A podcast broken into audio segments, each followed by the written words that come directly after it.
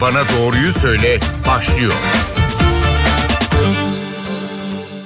NTV Radyo'dan herkese merhaba ben Aynur Altunkaş. Yeni bir Doktor Bana Doğruyu Söyle programında birlikteyiz. Bugün grip konusunu işleyeceğiz. Yeditepe Üniversitesi Hastanesi öğretim üyesi, enfeksiyon hastalıkları ve klinik mikrobiyoloji uzmanı Profesör Doktor Meral Sönmezoğlu ile birlikteyiz. Kendisi telefonla yayınımıza katılıyor. Hocam hoş geldiniz programımıza.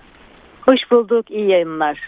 E, tam grip mevsiminde olduğunu söyleyebiliriz. Etrafımızda da pek çok insanın grip olduğunu görüyoruz. Şu anda ülkemizde bir grip salgını var diyebilir miyiz? E, evet diyebiliriz. E, bu mevsimsel normaller olarak kabul ediliyor. Çünkü ülkemiz kuzey yarım küre ülkeleri arasında ve tüm kuzey yarım küre ülkeleri gibi Türkiye'de de Aralık ayının son haftası ve Ocak ayı boyunca belirli miktarda e, sayıda grip vakalarını görürüz. E, bu e, her zaman görülenden daha fazla olabilir. E, belli bir e, oranda e, görmeye alışığızdır. Çok fazla vaka gördüğümüz için aslında onlara salgın diyoruz ama bizi şaşırtması için bu sene çok daha fazla dememiz için alışık olduğumuz sayıların çok üstüne çıkmış olması lazım. E, bir salgın yaşıyoruz dediğim gibi normal sayılarda diyebiliriz. Evet. Ama açıkçası bu sene biraz daha artış bekliyoruz. Hı hı. Bu arada domuz gribi de görülmeye başladı. Birkaç yıl önce e, görmüştük dünyada. E, yeniden geri mi geldi diyebilir miyiz? Eğer öyleyse öncekinden ne farkı var?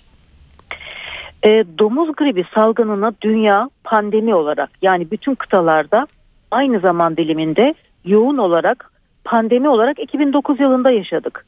2009 yılında Türkiye'de aslında o grip dönemi olmayan Aralık, Ocak, Şubat aylarında olmayan e, Eylül, Ekim, Kasım aylarında gördük ve yeni bir virüstü bu. İnsan vücudunun tanımadığı, antikorunun olmadığı yeni bir virüstü ve sonra onun domuzlardan kaynaklandığı görüldüğü için adına domuz gribi denildi. Sonraki senelerde antikorlarımız arttı, bağışıklığımız arttı ve biz onu diğer mevsimsel gripler gibi görmeye başladık. Bu sene de var ama biz artık ona domuz gribi demiyoruz tıpta. Biz ona da mevsimsel grip diyoruz. Sezonlarda gördüğümüz her zaman oranlarda gördüğümüz bir mevsimsel grip olarak algılıyoruz. Ama güzel olan tarafı ne? Artık grip aşılarının içinde domuz gribi suşu da var. Yani biz aşıyla ona karşı korunuyoruz. Bizim için çok tehlikeli, çok yeni bir virüs değil artık. Peki aşı demişken aşının e, sezonu geçti mi hala yaptırabilinir mi? E, biz e, çok hastalığa duyarlı olup bu hastalıktan ölebilecek, çok yoğun komplikasyonlar görecek kişilerin aşılanmalarını istediğimiz için Eylül, Ekim, Kasım aylarına aşı yaptırma zamanı diyoruz. Ama aşı olması gereken kişiler için belirli aşı zamanlarını hiç kabul etmemek lazım. Her zaman aşı olabilir. Hastalığa yakalanmadığı sürece aşı olabilir. Yani aşı bitti bundan sonra faydası yok diyebileceğimiz bir zaman yok. Ee, şu önemli aşı olduktan iki hafta sonra koruyuculuğu başlıyor. O nedenle ne kadar erken o kadar iyi. Ama şu anda aşı olmamış kişiler varsa salgın başladığı için onların da aşı olmasını şiddetle tavsiye ederim. Özellikle hangi gruptakiler mutlaka aşı olmalı? Bu çok önemli çünkü biz topluma herkes aşı olsun demiyoruz. Aşı olursa korunabilecek, bu hastalıktan ölmeyecek, zatürre olmayacak bir grup var. O grubun mutlaka aşı olmasını istiyoruz.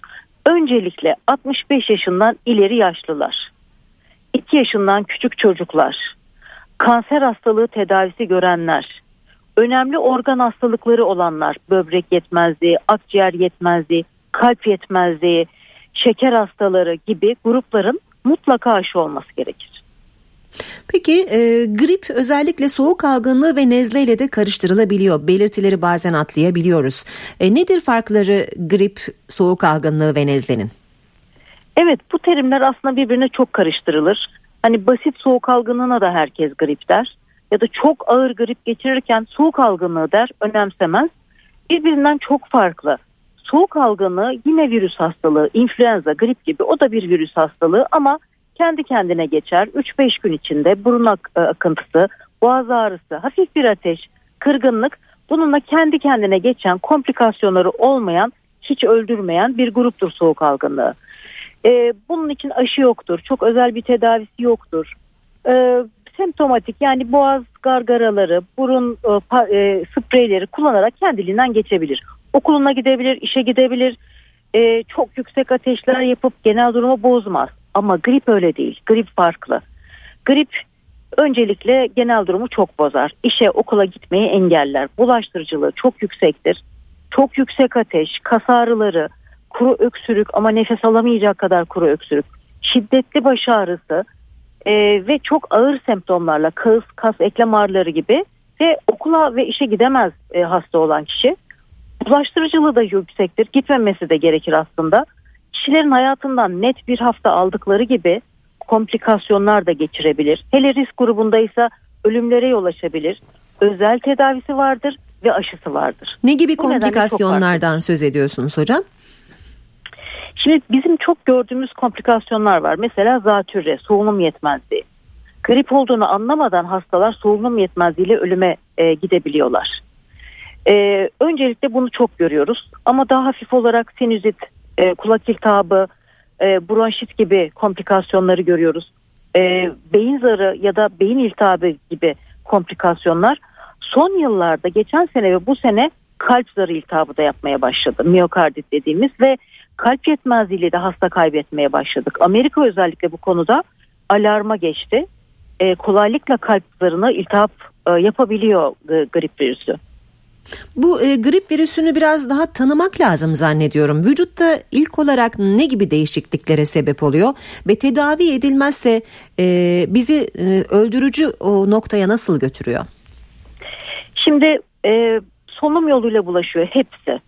Yani hastalığı geçiren kişinin konuşmasıyla, öksürmesiyle, hapşurmasıyla etrafa virüs küçük hava e, partikülleriyle e, bulaşıyor ve onu e, nefes yoluyla karşısındaki duyarlı kişiler alabiliyor. Hastayla direkt karşı karşıya gelmesi bile şart değil. Aynı odada bulunması ya da onun dokunduğu yerlere dokunması da hastalığın bulaşması için yeterli olabiliyor. Kuluçka süresi de oldukça kısa 12 saat gibi kısa e, olabiliyor aynı gün içerisinde ya da en fazla 3 gün. Çok uzun değil yani kuluçka süresi. Başlangıçları da çok benzer oluyor. Aniden başlayan bir boğaz, ağız e, belirtileri, sonra bir baş ağrısı, kas ve eklem ağrıları. Ama daha sonrası soğuk algını ile grip birbirinden çok farklı seyrediyor. Çünkü soğuk algını hani oturduğu yerde hafif bir boğaz ağrısıyla seyrederken diğeri oturamaz. O kadar şiddetli bir kas ağrısı çok yüksek ateşlerle seyrediyor. İşte bu, bu durumda hastanın beklememesi lazım. Mutlaka doktora gitmesi gerekiyor. Ee, özellikle o sıraladığım risk gruplarının hemen doktora başvurması gerekir.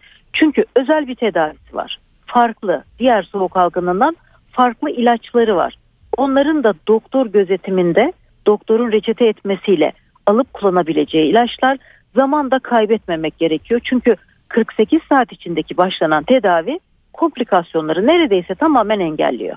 Peki e, doktora gitmeden de ilk semptomlar görülmeye başladığında bertaraf edebilir miyiz gribi? Tabii aslında bu da çok önemli. Çünkü hani burnu akmaya başlayan hafifçe baş, e, baş ağrısı olan kişinin hemen koş, e, doktora koşması da gerekmiyor. E, tuzlu su gargaraları, e, C vitamini kürleri, iyi bir beslenme, açık havada bulunma, biraz da istirahat aslında başlangıç aşamasında bırakabiliyor enfeksiyonları. Ama buna rağmen ilerliyorsa, ateş 39'lara çıkıyorsa, solunum sıkıntısı başlıyorsa o aşamada artık bekleyemez. Evde tedavi etmek riskli olur. Dinleyenlerimize hatırlatalım. Bugün gribi konuşuyoruz. Yeditepe Üniversitesi Hastanesi öğretim üyesi enfeksiyon hastalıkları uzmanı Profesör Doktor Meral Sönmezoğlu ile birlikteyiz. Hocam gribin tedavisinde antibiyotiğin yeri nedir? Bu en önemli konu diyebiliriz. E, grip 39-40 derecelere varan ateşle seyrettiği için insanlar antibiyotik kullanmaları gerektiğini hissediyorlar. Antibiyotiklerin kullanılacağı alanlar çok sınırlı, çok azdır ve sadece doktor gözetiminde verilebilir. Doktor reçete ettiğinde kullanılabilir. Ama evde de yüksek ateş olan herkes antibiyotiklere sarılma ihtiyacı duyuyorlar. Hatta doktora da baskı yapıyorlar. Bana antibiyotik yazın. Hani ateşim düşmezse kullanayım diye. Gripte ve soğuk algınlığında antibiyotin hiç yeri yoktur. Faydalı hiçbir etkisi yoktur. Zararlı etkileri ise çok fazladır. O nedenle asla kullanmamak gerekir. Peki. Şimdi biraz e, bulaşma yollarından söz ettik. E, toplu taşıma araçlarında, e, iş ortamında, bazen e, kalabalık ortamlarda e, gripli kişilerle temas etmesek bile sizin de söylediğiniz gibi aynı ortamda bulunarak da risk altında kalmış olabiliyoruz. Etrafımızda hapşıranlar, öksürenler olabiliyor. Şimdi böyle bir durumda biz ne gibi önlemler alabiliriz? E, kaçınılmaz durumlar var. Okullar gibi ya da e, toplu yaşanılan alışveriş merkezleri, sinema önündeki kuyruklar, otobüsler, dolmuşlar kalabalık ortamlarda kaçınılmaz olarak bulunabiliyoruz. Ve mutlaka hapşuran ve öksüren bir kişi olur. Orada havaya saçılmış mikroorganizmaların olduğunu bileceğiz. Ee, birinci sorumluluk aslında hapşuran ve öksüren kişiye düşüyor. Çünkü havaya değil de ya dirseğine ya bir mendile e, hapşurması ya da öksürmesi gerekiyor. Çünkü elini daha sonra dokunduğu her yere o bakterileri, virüsleri bırakacaktır. Birincisi o. İkincisi salgın dönemlerinde duyarlı kişilerin maske takmasında fayda var. Çok duyarlı olan kişilerin. Ee, bunun dışında ne kadar çok açık havada bulunulursa e, bu o, mikroorganizmaları bertaraf etmeye gerçekten faydası oluyor. Ya da temas olduğunu düşündüğümüz günlerde tuzlu gargara yapmak da yine boğaza mikroorganizmaların yerleşmesini çok azaltabiliyor. E, grip mikrobu havada ya da yüzeyde ne kadar süreyle kalır? Örneğin gripli bir kişinin bulunduğu ortama biz iki saat sonra girsek, o kişi orada olmadığı e, anda iki saat sonra girsek yine de maruz kalır mıyız mikroba, virüse? E, belki de tek iyi haber bu. Virüsler sadece canlı organizmaların üzerinde yaşayabiliyorlar. Dış ortamda son derece kurula, e, güneş ışığına, e, hani son derece duyarlılar dış ortamda uzun süre canlı kalamıyorlar. Hani en fazla dakikalar diyelim. Dakikalar içinde alınmazsa yok oluyorlar. Mikro ya virüslerin en e, iyi bizim için özelliği bu. Dış ortamda yaşayamamaları ve hızla yok olmaları. Hı hı. E, sık sık duyarlı kişilerden söz ediyorsunuz. Bunu biraz daha açar mısınız? E, bağışıklık sistemi çok iyi çalışmayan ve virüslere karşı savunması da zayıf olan kişiler, küçük çocuklar, bebekler 65 yaşından ileri olan yaşlılar sadece yaş nedeniyle bağışıklık sistemi zayıflıyor çünkü. Bir de bağışıklık sisteminin iyi çalışmasını engelleyecek hastalığı olanlar, kalp yetmezliği, şeker hastalığı, akciğer yetmezliği gibi e, ya da uzun süre kortizon kullanan, kemoterapi kullanan kişilerin bağışıklığı iyi çalışmadığı için o virüs ya da bakteriler bu kişilere kolaylıkla girer savunma mekanizmalarını da yenebilir. Peki bu e, saydığınız grupta olmayanlar e, hani görece sağlıklı diyebileceğimiz kişilerde bağışıklık sistemini güçlendirebilmek için ne yapmalılar? E, bakın en önemli konu aslında bu. Yani biz her an mikroorganizmalara, salgınlara hazır olarak bağışıklık sistemimizi iyi çalışır durumda tutmamız gerekiyor. Bu kış aylarında çok daha önemli oluyor. Ee, kötü bir alışkanlık aslında havalar soğuk diye hep kapalı alanlarda bulunmak ama aslında temiz hava almak gerekiyor. Temiz havada mikroorganizmalar hiç barınamıyorlar çünkü ve e, dağıldıkları için de onları almak da çok zor oluyor. Birincisi açık havada çok zaman geçirmek gerekir. Gün içinde mutlaka işte okulda dışarı çıkıp temiz hava almak lazım. Beslenme çok önemli. Ee, iyi beslenmek demek iyi doymak anlamına gelmiyor. İyi beslenmek günlük vitamin ihtiyacımızı mineral ihtiyacımızı almak demek. Bu da en çok sebze ve meyvelerde var. Ve besleyici proteinleri de almak gerekir. Yumurta, et gibi. Bunları düzgün oranlarda alırsak bağışıklık sistemi güçlenir, çok daha iyi çalışır.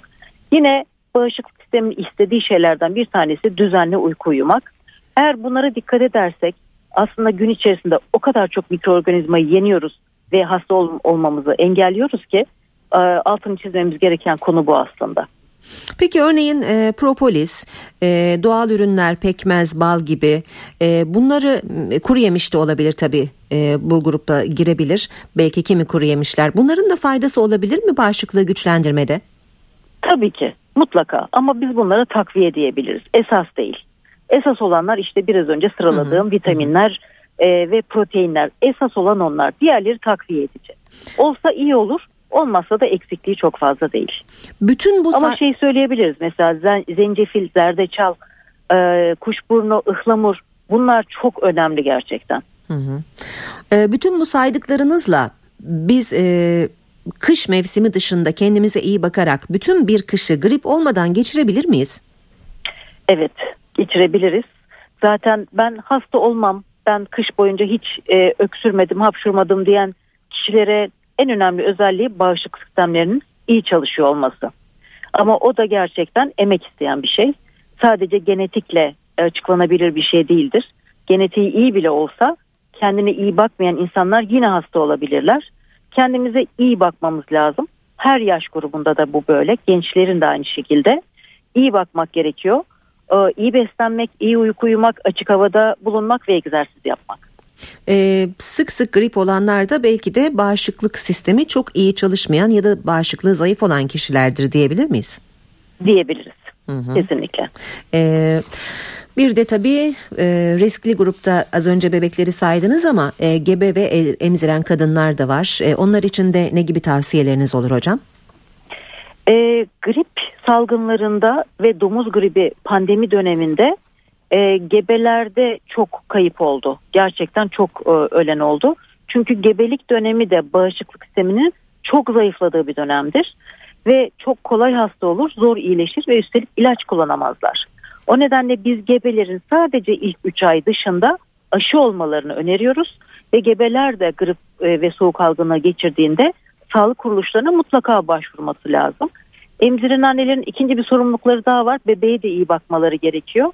O yüzden e, onların da hasta olduklarında hemen başvurmaları lazım. E, gebelik döneminde her ilacı kullanamaz. O yüzden doktorlara danışmadan da ilaç kullanmamaları lazım. Peki mikrop savucu bazı ürünler var. E, mendiller gibi, jeller gibi. Bunları önerir misiniz? E, aslında biz onları çok fazla önermiyoruz. Çünkü onların üzerinde yazan antibakteriyel.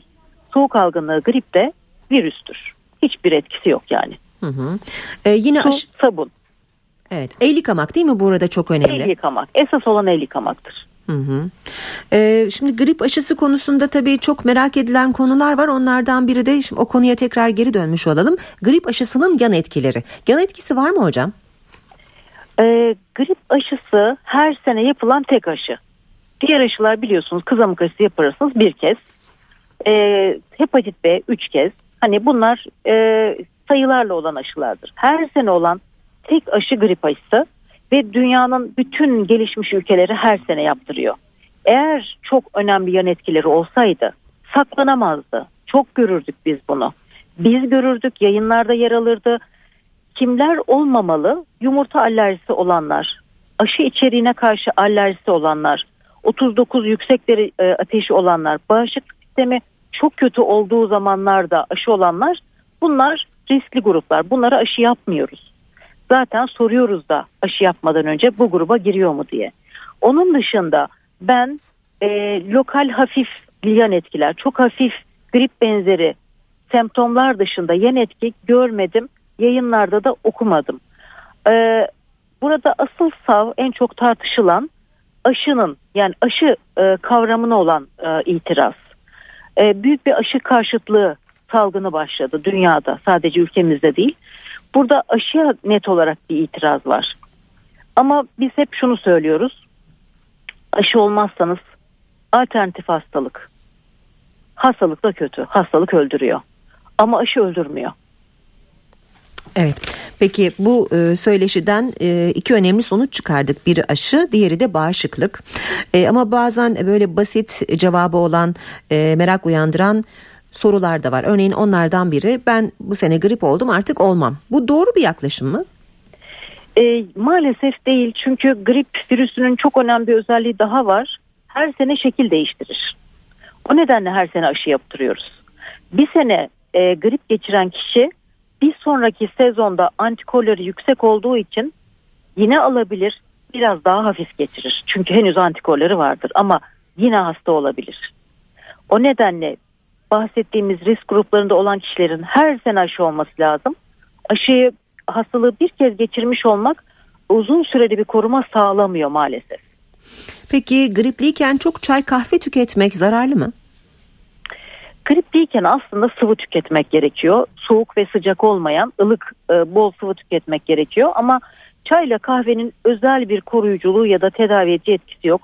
Ama net gösterilmiş bir şey var. Ihlamur, nane limon, kuşburnu gibi bitkisel onlar da çok miktarı fazla olmamak kaydıyla çok daha faydalı çay ve kahveden. Yemeklere biraz acı katmak, e, kat, e, acı katmak da faydalı olabilir mi? E, acı kapsoik asit aslında hani biberlerdeki bağışıklık sistemini gerçekten kamçılayıcı etkisi var ama grip geçirirken soğuk algınlığı geçirirken boğaz o kadar kızarık o kadar yumuşak ve e, zarar gören durumdadır ki şiş e, acıdan zarar görür o dönemde. E, peki sütün e, oradaki bakterileri boğazdaki bakterileri e, daha da güçlendirdiği beslediği söylenir bu da doğru mudur? Hayır çünkü onlar virüs virüs sadece canlı dokunun içinde yaşar. Bizim aldığımız yiyeceklerden bakteriler gibi ne faydalanır ne zarar görür. E, bunu hani salep faydalıdır ya da yok hiçbir faydası yoktur e, gibi bir tartışma var onun için sordum. Yani salep de içebiliriz boğazımızı Virüslere yumuşatmak hiçbir için. hiçbir faydası yok ya da zararı yok salepin. Salep boğazı çok yumuşatır ama hastalık döneminde sıcak değil ılık içmek gerekir. Peki. Çok teşekkür ediyoruz hocam programımıza katıldığınız için. Ben de teşekkür ederim. İyi yayınlar. Yeditepe Üniversitesi Hastanesi öğretim üyesi, enfeksiyon hastalıkları ve klinik mikrobiyoloji uzmanı Profesör Doktor Meral Sönmezoğlu, Doktor Bana Doğruyu Söylenin bu hafta konuydu. Ben Aynur Altunkaş. Yeni bir programda buluşmak üzere. Hoşçakalın.